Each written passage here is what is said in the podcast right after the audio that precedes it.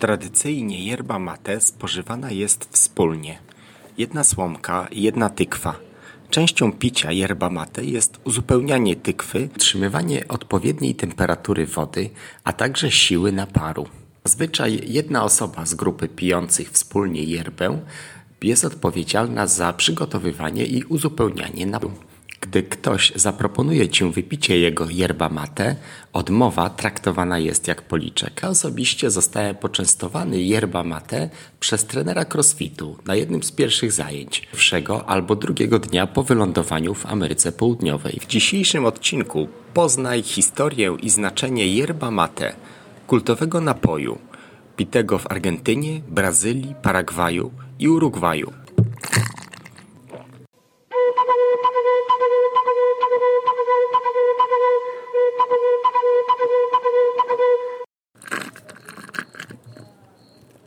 Ilex paraguariensis zaczyna swoje dorastanie jako krzew, a następnie dojrzewa do wysokości drzewa, osiągając nawet 15 metrów wysokości.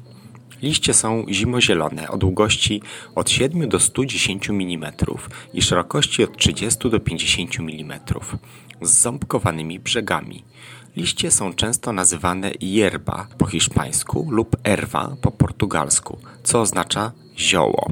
Zawierają kofeinę, znaną w niektórych częściach świata jako mateina i pokrewne alkaloidy ksantynowe. Prawdziwy Argentyńczyk nosi ze sobą zestaw do yerba mate. Obejmuje on tykwę wielkości mniej więcej piłki tenisowej, wyposażonej w słomkę oraz termos z gorącą wodą i sakiewkę z suszem. To wszystko w skórzanym, bardzo komfortowym pojemniku. Sama tykwa do picia yerba mate, czyli filiżanka, wykonana jest z bardzo satysfakcjonującego materiału.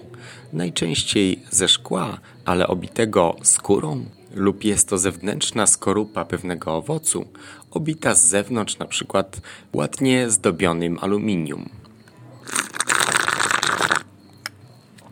Ponieważ yerbę pije się ze fusami w środku tykwy, rurka do picia yerby wyposażona jest w prosty filtr zapobiegający dostawaniu się fusów do ust wraz z napojem. Do fusów tych dolewa się wodę kilka razy, ale woda ma temperaturę 80 stopni. Taką wodę o odpowiedniej temperaturze można nabyć na większości stacji benzynowych i w niektórych sklepach w krajach Ameryki Południowej. Ale wielu ludzi przemierza ulicę z własnym zestawem do yerba mate, który obejmuje również termos, zapewniający satysfakcjonującą temperaturę wody. Mate była najpierw spożywana przez rdzenną ludność Guarani, a także rozprzestrzeniła się wśród ludu Tupi, który żył na terytorium dzisiejszego Paragwaju. Spożycie mate zostało upowszechnione podczas europejskiej kolonizacji zarówno przez hiszpańskich osadników, jak i wśród rdzennych Guarani. Ta powszechna konsumpcja sprawiła, że mate stało się głównym towarem w Paragwaju, nawet wyprzedzając takie używki jak tytoń czy herbatę. Yerba mate jest uprawniana i przetwarzana w Paragwaju, niektórych częściach Argentyny, Urugwaju i południowej Brazylii.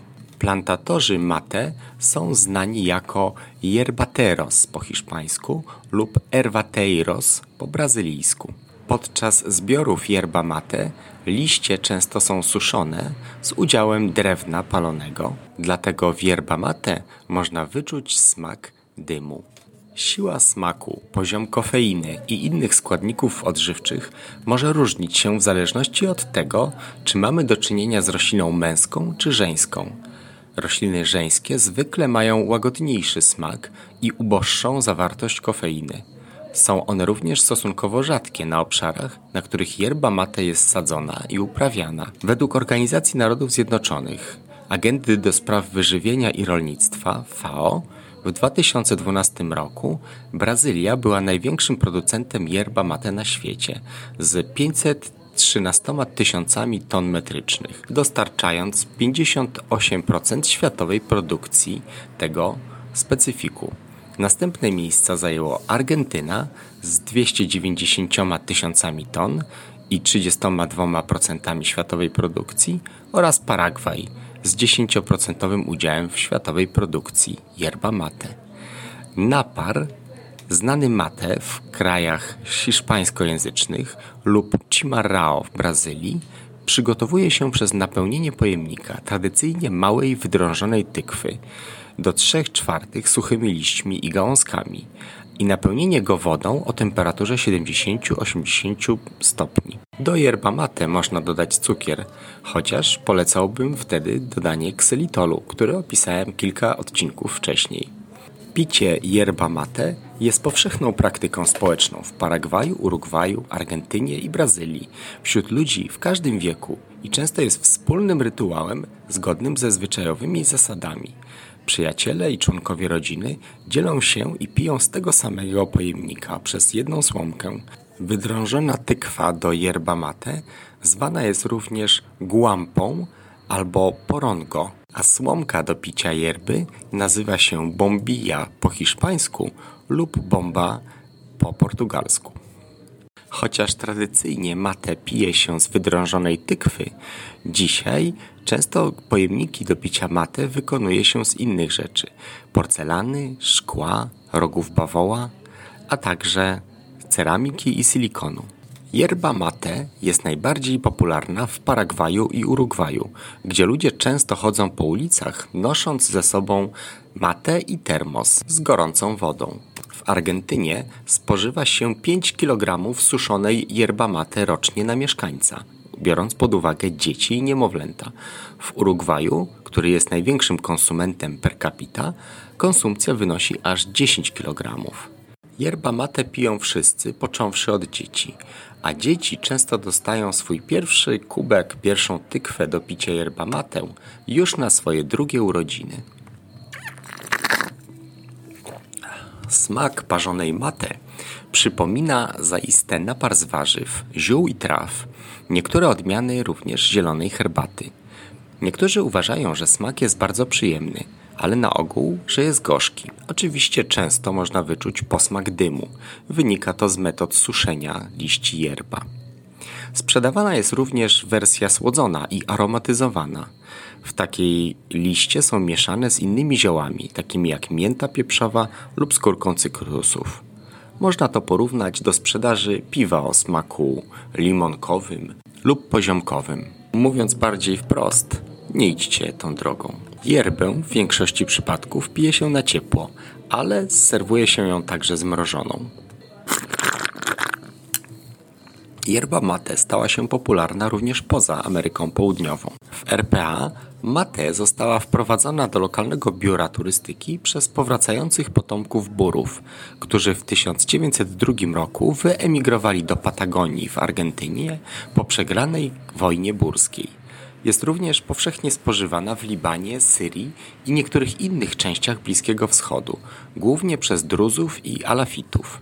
Większość popularności yerba mate poza Ameryką Południową jest wynikiem historycznej emigracji do Ameryki Południowej i późniejszego powrotu. Yerba mate zawiera trzy ksantyny: kofeinę, teobrominę i teofilinę, przy czym zawartość kofeiny waha się od 0,7 do 1,7% suchej masy w porównaniu do 0,4 do 9% suchej masy liści herbaty i 3% dla kawy mielonej. Yerba mate zawiera również minerały takie jak potas, magnez i mangan. Co prawda nie ma wystarczających naukowych dowodów na to, że yerba mate ma wpływ na masę ciała u ludzi, chociaż niektóre badania sugerują, że może istnieć pozytywna korelacja pomiędzy spożywaniem yerba mate a utratą masy ciała. Spożywanie gorącej yerba mate wiąże się z podwyższonym ryzykiem raka jamy ustnej, raka przełyku i raka krtani, a korelacja jest tym silniejsza, im bardziej gorąco yerba mate jest spożywana. Czas na podsumowanie. Picie yerba mate to piękny rytuał, pełen szlachetnych gadżetów, takich jak tykwa, słomka, specjalny termos na gorącą wodę czy kontenerek ze skóry, który pozwala nosić ze sobą te wszystkie gadżety. Yerba mate może być świetnym zamiennikiem kawy, a także moim zdaniem może być dobrą alternatywą dla zajęcia rąk jakimś rytuałem dla osób, które chciałyby rzucić palenie papierosów. Sam jestem ciekaw, czy młode osoby, które zostały pozbawione dzisiaj możliwości picia napojów energetycznych, nie pojawią się niedługo z kontenerkami wyposażonymi w susz yerba mate i termosik z wodą o temperaturze 80 stopni. Dziękuję za uwagę. Dziękuję za komentarze i zapraszam do słuchania następnego odcinka, który pojawi się już jutro.